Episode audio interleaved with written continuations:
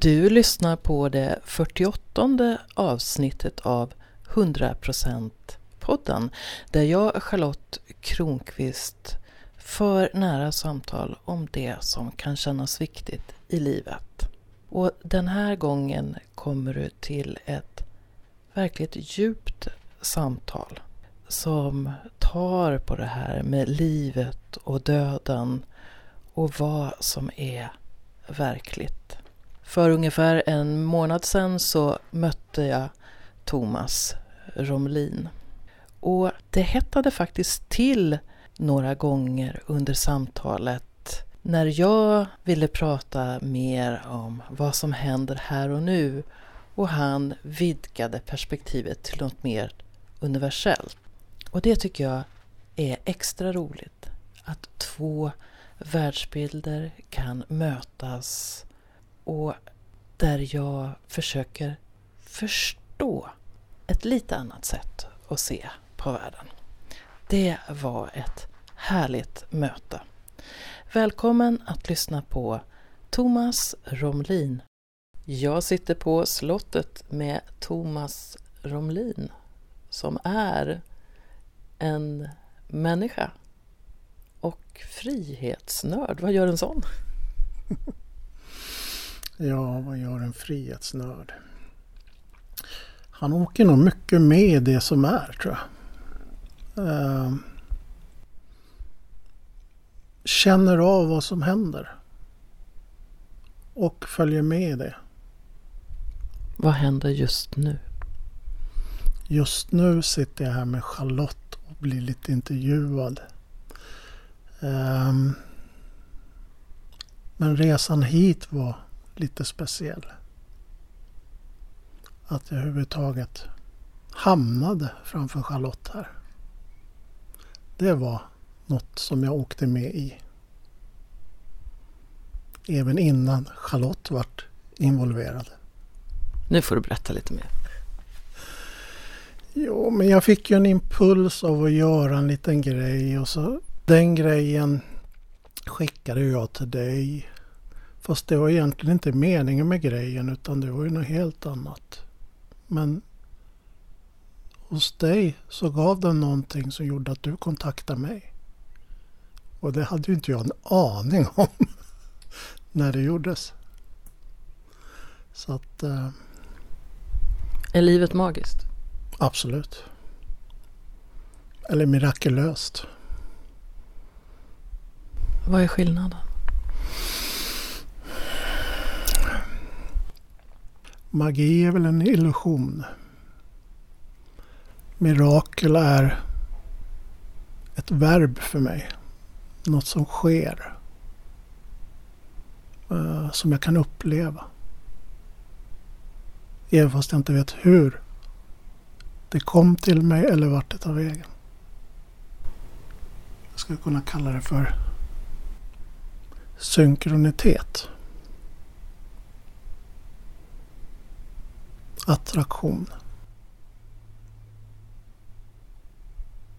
Det är nog mirakel mera. Är mirakel någonting man tillåter? Ja, absolut. Jag tror inte man kan uppleva mirakel utan att vara tillåtande. Ta tillit till det som sker. Du har ju mediterat en hel del, Thomas. Har, har mirakelfrekvensen ökat sen, sen du började meditera? På lite vad man menar med meditation. Så, ja, svaret är ja. Men för mig så är meditation ett konstant varande tillstånd att observera, att se. Det är väl egentligen ingredienserna för att kunna uppleva mirakel. Sen är frågan vad man menar med ett mirakel. Är det jag som upplever det bara eller är det flera och så vidare och så vidare. Eh, nu blir jag extremt nyfiken. Berätta lite mer. Ja, jag försöker komma på något, något sånt där som har skett. Som jag kunde återge. Hmm. Alltså den, den här den ligger bara närmast så att jag får ta den. Det var dottern hade beställt tid, för det måste man göra numera för att få ett nytt pass. Hon försover sig. Vi har 15 minuter på oss att vara inställda för den här passkontrollen. Och hon skulle resa bort, långt bort, så hon behövde verkligen det här passet. Jag tror att låg man inom marginalen fem minuter fel så, så fick man inte göra en ansökan. Hon hade en eh, attityd av att det här fungerar inte. Det kommer inte gå. Hela min resa, allt var borta för henne. Jag sa klä på dig, vi löser det. Och sen satt hon hela vägen till polisen och neggade medan jag sa pappa fixar det, löser sig. Eh, vi var längre än fem minuter sena. Vi gjorde kanske inte allt så lagligt som man borde göra. Men eh, vi fick eh, göra ansökan av passet. Hon fick passet och hon fick göra resan. Riktigt hur vet jag inte ens om jag ska tala om hur allting gick till. Men det var en resa som kanske gick lite utanför det normala. Det jag hör är att tillit är en del i miraklet på något sätt.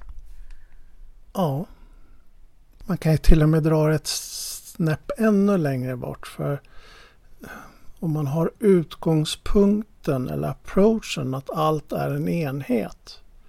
Hur, då är ju allt det här bara en historia som är påhittad och då är ju miraklet bara en, det är bara en ren och, det är en, det är en tolkning. Det är min egna.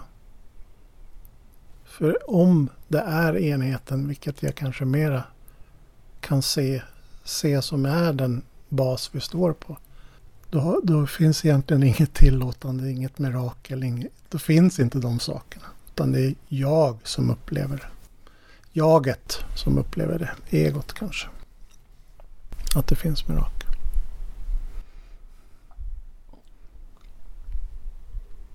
Jag kommer i kontakt med eh, ett annat ord som jag lade märke till på en av dina hemsidor och det var sanning. Så vad är sanning för dig? Den finns inte. Jag har min sanning. Du har din sanning. Sen kanske, ja visst, det kanske finns en sanning. Någonting, men vad är det vi menar egentligen när vi säger sanning? För mig så blir sanning bara en värdering. Det är något som vi kan relatera till. Det är en tanke. Även fast det vi pratar om när vi pratar om sanning så är det bortom tanke. Men det är ändå en tanke som avgör om det är sanning eller inte. Jag minns en gång när jag ledde eh, en kurs och eh, så var det en av deltagarna som sa det finns bara en sanning. Och då frågade jag honom så här, och vem bestämmer hur den ser ut? Och då sa han, ja men det gör ju jag. Så allting som var sant från hans perspektiv, det var sanningen och allting annat var inte sanning. Han hade svårt att se hur snävt hans perspektiv var det, var ett, alltså det fanns vi och dem-tänkande och alla möjliga eh, sådana saker i, i det här. Och för, och för mig så, så är det också så att jag har en sanning men alla, alla har verkligen sin. Sen är det väl kanske vissa saker som det går att konstatera, typ det står en trafikskylt där eller någonting sånt. Men så fort man kommer till idéer och värderingar och så, så är det ju bara någonting vi har uppe i våra huvuden. Men vi, men vi gör liksom om dem till att det här är moral och det här är etik och så här. Det här är naturligt är också ganska vanligt. Men man använder det här naturligt egentligen för att särskilja människor istället för att bringa oss samman. Du tar på saker i mig när, när du... Ja, det kanske bara var... Det kanske bara finns hans sanning kanske bara finns ett, ett jag.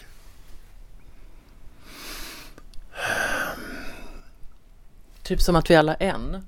Typ så ja. Men eh, det var någonting annat som, som verkligen tog tag i mig. Men, men alltså det, det... Sanningen, det som du sa, ja det står en stolpe. Ja men vad är det som står där egentligen?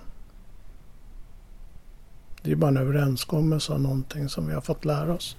Men börjar vi titta rent mat på materien och så vidare så, så kan man ju börja ifrågasätta vad det är som står där. Och när man gör det tillräckligt länge så inser man att det finns ju ingen sanning. Den tar ju aldrig slut eller så är den evig eller ja. Ingen har svaret.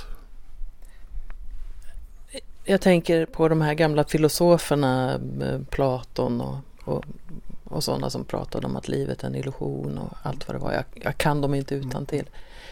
Men, men ju mer vi tittar närmare på saker, det är som att det, vad säger man på svenska, it dissolves. Det är som att det mm, mm. släpper taget och ändå tänker jag att vi fackar in saker för att göra världen lite mer begriplig. Mm. Det gör vi. Eller vårt mind gör nog det. Och eh, jag tror det måste göra det. Vi kan inte leva annars. Informationsflödet skulle bli för häftigt för mig om jag tog in allt som verkligen fanns runt omkring mig. Inte bara hur den här koppen ser ut utan hur den faktiskt är uppbyggd och hur den har blivit till. Och, och, och all, den informationen klarar vi nog inte av att hantera helt enkelt. Så jag tror det är därför det har delats upp i eh, rent per, percept, perceptie, perceptiellt. Så att vi, vi kan relatera till det. det annars kan vi inte relatera till det. För när vi kommer till det exempelvis en upplevelse av enhet. Den är, alla som har gjort det, de beskriver den som alltid ny och fräsch. Den går inte att forma, den går inte att sätta ett ord på. För den är förändlig konstant. Och det finns ingen början, inget slut, inget... Den är inte mätbar. Och mindet är ju bara att veta. Men allt det där är egentligen det vi inte vet. Det är som när jag har lyssnat på Eckart Tolle några gånger live och så pratar han om varande och tid. Mm. Och så reflekterar han själv över att det finns något paradoxalt i att han sitter och pratar om det man egentligen mm. bara kan uppleva. Mm. Och det är vårt mind. Du ska hela tiden försöka forma, sätta ord på och så vidare. Eh, och jag säger inte att det är fel utan det är så vi är. Och det är helt okej. Okay. Men, men, det är inte sanningen. Om vi återgår till det här med meditation så, mm. så eh, det jag hör är typ att, att, du, att du försöker vara i meditation och göra livet i meditation. Hur fick du impulsen till det? Mm. Det är det stark... Anledningen, anledningen är ett antal upplevelser som är det starkaste som Eh, jag tror att man kan uppleva. Eh, jag kan inte beskriva det, det, det vore totalt eh, idiotiskt att försöka sätta ord på det. Men man, man kan säga bara generellt. Ett, jag kom i kontakt med min rädsla, rädslan för mig själv. Två, det ledde till att komma i kontakt med kärlek och vad det är. vad relation är. Och det har ingenting med det externa överhuvudtaget. Eller det finns inte ens externt och internt i det utan det bara är. Eh, men den känslan var så stark så där väcktes någonting. Eh, och det har varit guiden, pekpinnen sedan dess. Från den dagen så har man, alltså man försöker komma tillbaks dit men det, man, man kan inte med fri vilja komma tillbaks dit. Men man kan snudda vid andra. Genom att vara lite observant och försöka så kan man komma i kontakt med, med andra delar som man inte kommer i kontakt med normalt. Pratar du om ett slags andligt uppvaknande? Ja, alltså jag kallar det för andligt från början. Men jag håller på och känner jag ta bort det där andliga. För egentligen är det bara att jag kanske bara fått se lite, fått en glimt av verkligheten några gånger. Det som är ett snäpp bortom den verklighet vi normalt paketerar som vi sa. Vi formar. Utan jag kanske bara fick se vad koppen är uppbyggd av. Jag såg lite mer av den där koppen för att den fallerade. Den bara ramlade isär och blev ett med mig. och det, det, kallas normalt för andligt. Eh, alltså det, det är i sådana kretsar man, man vågar titta på de här sakerna, vågar gå in i dem och våga släppa iväg. Så absolut. Jag kan tycka att den etiketten för min personliga del är begränsande och det är också ett sätt när man säger att ja, det där är andligt eller nyandligt eller så. Det också ger en, en möjlighet att säga eh, hon är flummig mm. eller, eller någonting sånt. Och jag har ju många djupa upplevelser i mitt liv idag som är svåra att beskriva mm. också med ord. Men för mig är det, det är upplevelser, det är förnimmelser, det är som en förhöjd verklighet mm. eller hur jag ska uttrycka det. Och ingen kan ta ifrån mig den. Men då, då, är det skönt på något sätt att ha så få etiketter som möjligt för att det väcker inte den där viljan hos andra att mm. det jag kallar projicera mm. någonting mm. hos dem på mig. Precis. Och det, jag kan ju aldrig ge dig den där, vad det nu är, eller du ger mig. Är, vi kan ta, ta orgasm. För det första, bara beskriva det. Och två, ja alltså ge. Det beror på hur vi tar men det, man skapar den ju själv med, med, sin egen kropp. Men när det till och med är bortom det, det vill säga det är en konstant orgasm. Alltså det är det som är tio gånger starkare. Men eh, jag, jag, jag håller med absolut om att just det där med att fuckas in i, i, i det ena eller det andra.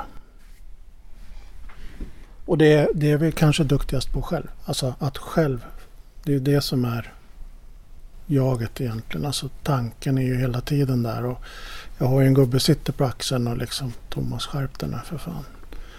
Eh, dra i handbromsen, titta och eh, ja du vet allt det där. Dömandet. Jag är så medveten om det. Och det, det jag tycker är häftigt, idag så kan jag verkligen höra den rösten. Men jag kan också höra min inre röst, det jag kallar min essentiella röst, alltså det som är det djupare jag, eller jag ska nu säga. Och för mig var en otroligt viktig dag, Eh, en, ja, 98 kanske, när jag första gången la märke till den här rösten och den sa vad du är dum, vad du är knäpp, vad du är dum, vad du är knäpp. Och så insåg jag att shit, jag har haft den här rösten i huvudet hela mitt liv. Men jag trodde den var jag. Så det här steget att fatta att den här rösten, det är inte jag.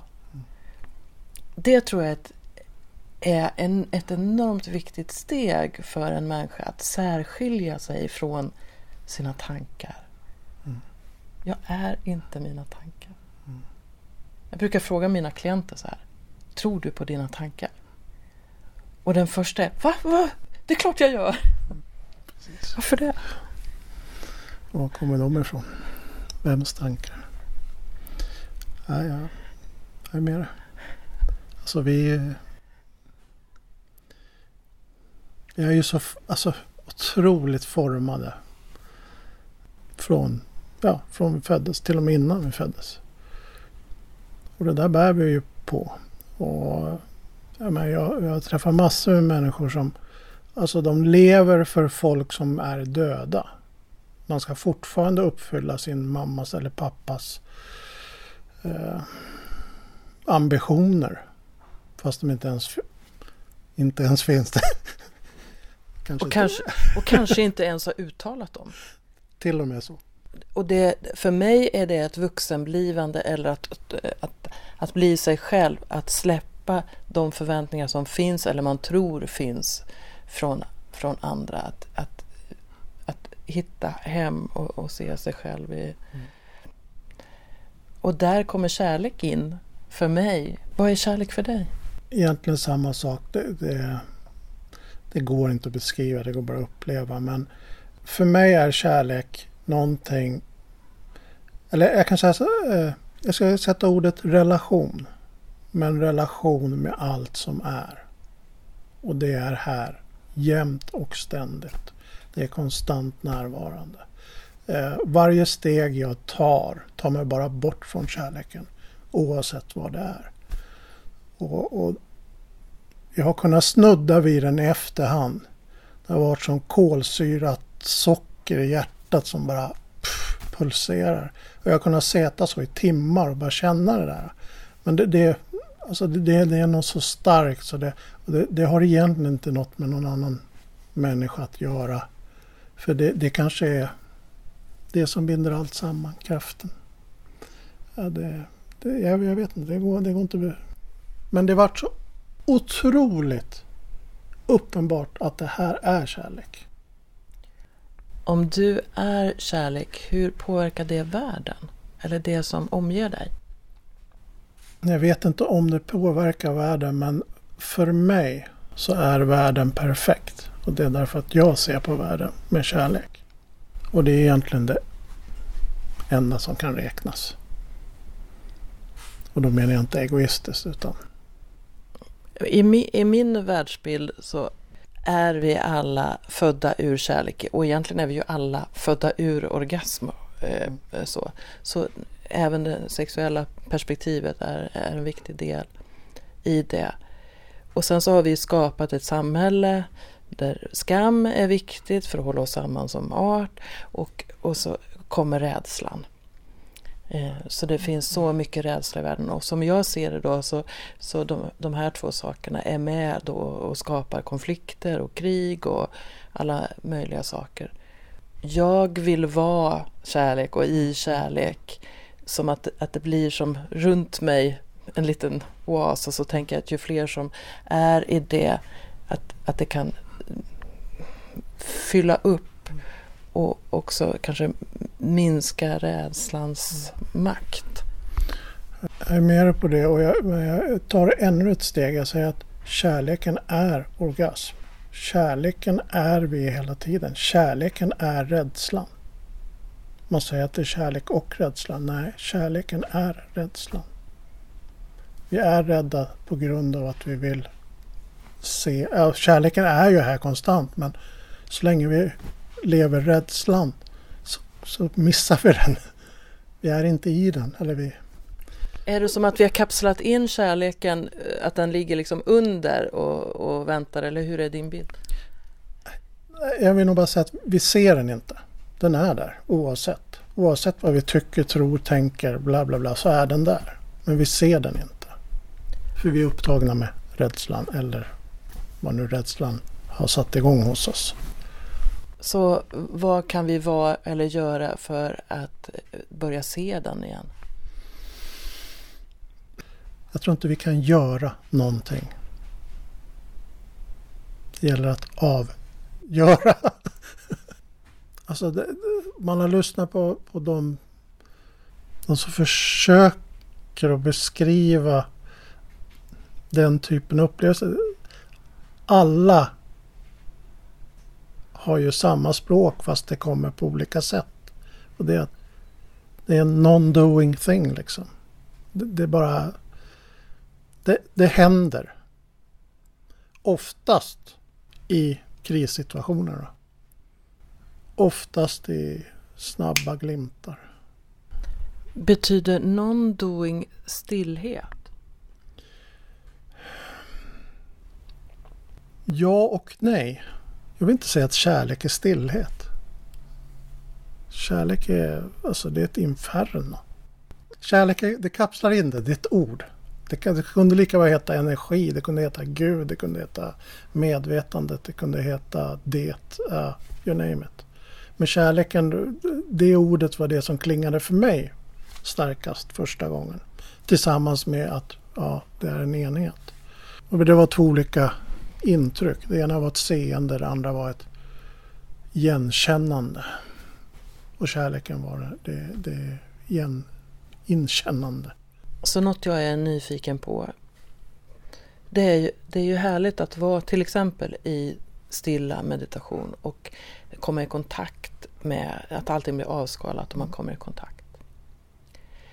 Som jag ser det så är det också mycket som inte funkar så bra i världen idag.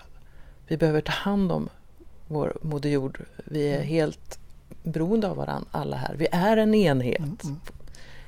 Och då, som jag ser det, så räcker det inte med att sitta under ett mm. träd som Buddha. Och, hur, och då blir det ju en slags görande som, mm. som behövs. Hur tänker du kring det?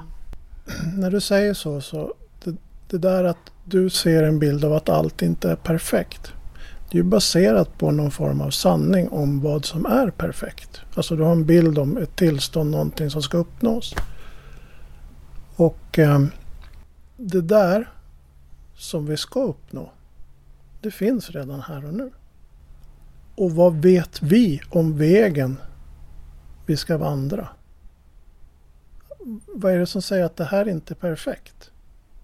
Isarna smälter. Ja.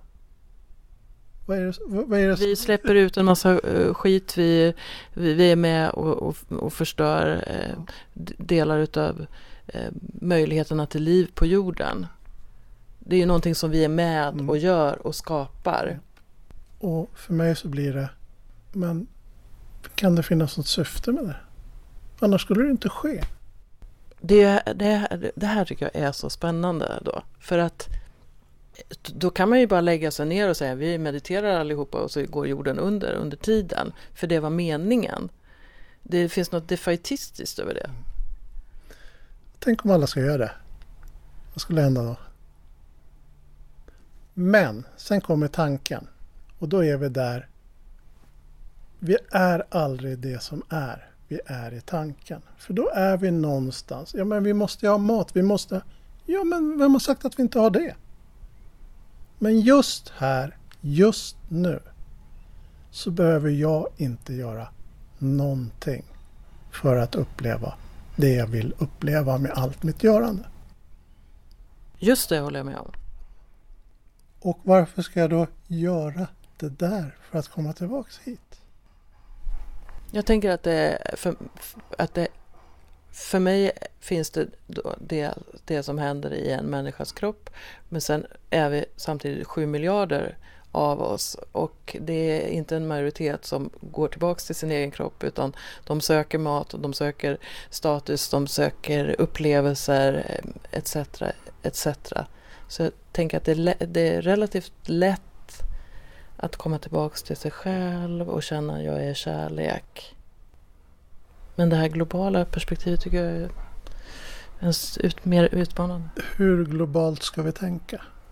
Ska vi se det ur ett universellt perspektiv? Vad har jorden för funktion i universum? Det är en liten blå planet som är här en stund. Alltså man, man kan ju tänja tanken hur långt som helst. I min värld så existerar ingenting av det där du pratar om. Om vi ska prata sanning och verklighet. För då är det bara en konstruktion. Och det är min konstruktion. För bara jag upplever allt. Sen vem jag är, det vet jag inte. För jag tror att jag är du. Och om vi alla är en. Och det, det Alltså det är så jobbigt att ta in det här. För det här är, det här är skillnaden mellan dualiteten och det icke-dualistiska. Att se att det faktiskt är jag som är den som lider. Det är inte eh, kanske den där också. Men det är jag. För jag är den där. Det var så jag kom i kontakt med mig själv och min rädsla. När jag såg att det faktiskt är jag som skapar allt det här lidandet. Med mitt sätt att vara. Jag har bidragit till det här. Hur kommer man vidare ifrån det? För att det är en så stark... Alltså den rädslan, att vara den rädslan, det är så starkt så du vill inte ens leva längre. Men i mitt fall då, så var det det som behövdes för att uppleva det som egentligen är kärleken. Och i den så ser man att den här separationen finns inte. Det är bara en illusion allting. All materia är uppbyggt av mig, av mig, vem nu jag är. Återigen. Alla är vi egentligen frukter av Big Bang. Allting fanns ju då. Så vi är bara en, ja, men vi är bara en variant av det. Och det tycker jag är ett rätt häftigt perspektiv. Att mm. vad är, tre och en halv miljarder år. Eller 13,5 miljarder tror jag kanske mm. Mm. Och när vi tänker i de här termerna av den andra, och även i oss själva, så har vi någonting som är så starkt implanterat i oss. Och det är att döden är någonting som vi inte ska uppleva. Fast vi alla gör det. Det är något vi ska vara rädd för. Kanske är paradiset. Who knows? De flesta som faktiskt har varit på den sidan och kommit tillbaks. De skulle hellre stanna kvar på den sidan. Jag har läst en rätt häftig bok av en amerikansk neur neurolog. Den finns på svenska nu. Men jag läste den på engelska och då hette den Proof of Heaven. Och det är eh, en, han har opererat människors hjärnor. Han har inte trott på nära döden-upplevelser och så hamnar han 14 dagar i koma. Han ska komma ur det som, om han ska överleva så ska han komma ut som en grönsak. Mm. Men med hjälp, det är alltid någon som håller honom i handen, folk ber för honom, ja det händer massa saker och han, han, upp, han kommer till Gud mm. Mm. och upplever en väldig massa saker där. Ja, och sen så kommer han tillbaks och det jag tror är att han kommer tillbaks för att han ska få eh, berätta mm. Eh, om det här. Och han vet att han har ingenting att frukta mm, mm. Eh, och att det bara är någon, man är på ett, vad det nu är, själ eller vad man nu vill kalla det för. Eh, det, mm, det, är något, det är något annat. Det är det här seendet som jag tror att vi måste få. För, för att då börjar vi sluta med det där som gör att vi lider Ja, jag berättade för dig innan vi slog på att eh, jag eh, för ett och ett halvt år sedan släppte taget om alla mina prylar och äg ägodelar och så. Så jag känner mig enormt fri idag. Det är som att det inte är en massa materiella saker som, som tynger mig och det gör det också lättare att vara. Mm. Och det är ju, alltså vår störst, största rädsla det är ju att förlora oss själva. Men vem vill sitta på ett, ett mentalhem till exempel? bli hjärndöd. Eh, Ja, you name it. Det behöver inte vara så drastiskt utan det räcker med att jag gör bort mig för dig. Så tycker jag att jag förlorar mig själv liksom. Men det är bara den här jävla egosnurran som håller på. Det där är så stark drivkraft. Att vi, jag menar, vi ignorerar ju döden. Vi kommer ju förlora oss själva. Eh, ja, åtminstone kroppen kanske. Förr eller senare allihop. Jag har gjort Eh, många processer, eh, dödsprocesser, jag har gjort svetthyddor och jag har gjort massa andra saker. Där det ofta har varit ett ögonblick där man bokstavligen släpper taget. Då är det som att ju mer jag kan tänka, jag kan dö vilken sekund som helst, desto mer levande blir jag nu. Det är en sån paradox, man behöver ibland hoppa över klippkanten. Ja. Så idag det kan finnas ögonblick när jag tänker så här, ja men jag vill vara med de här människorna jag har runt mig. Mm. Men själva att, att jag själv ska hoppa över kanten, det har förlorat väldigt mycket av det där. Men där för mig har det krävts 15 år av att se på mig själv och avdramatisera mig själv. Och, Kanske en nat naturlig mognadsprocess. Jag menar, vi är på väg åt ett håll. Ja, det är klart. Eh, eh, och, och, för mig så har det varit bra att göra det medvetet ja. också. Det, det, är väldigt häftigt att se människor som är, är nära döden och som är meditatörer och, och, och, så och som kan närma sig det med nästan glädje.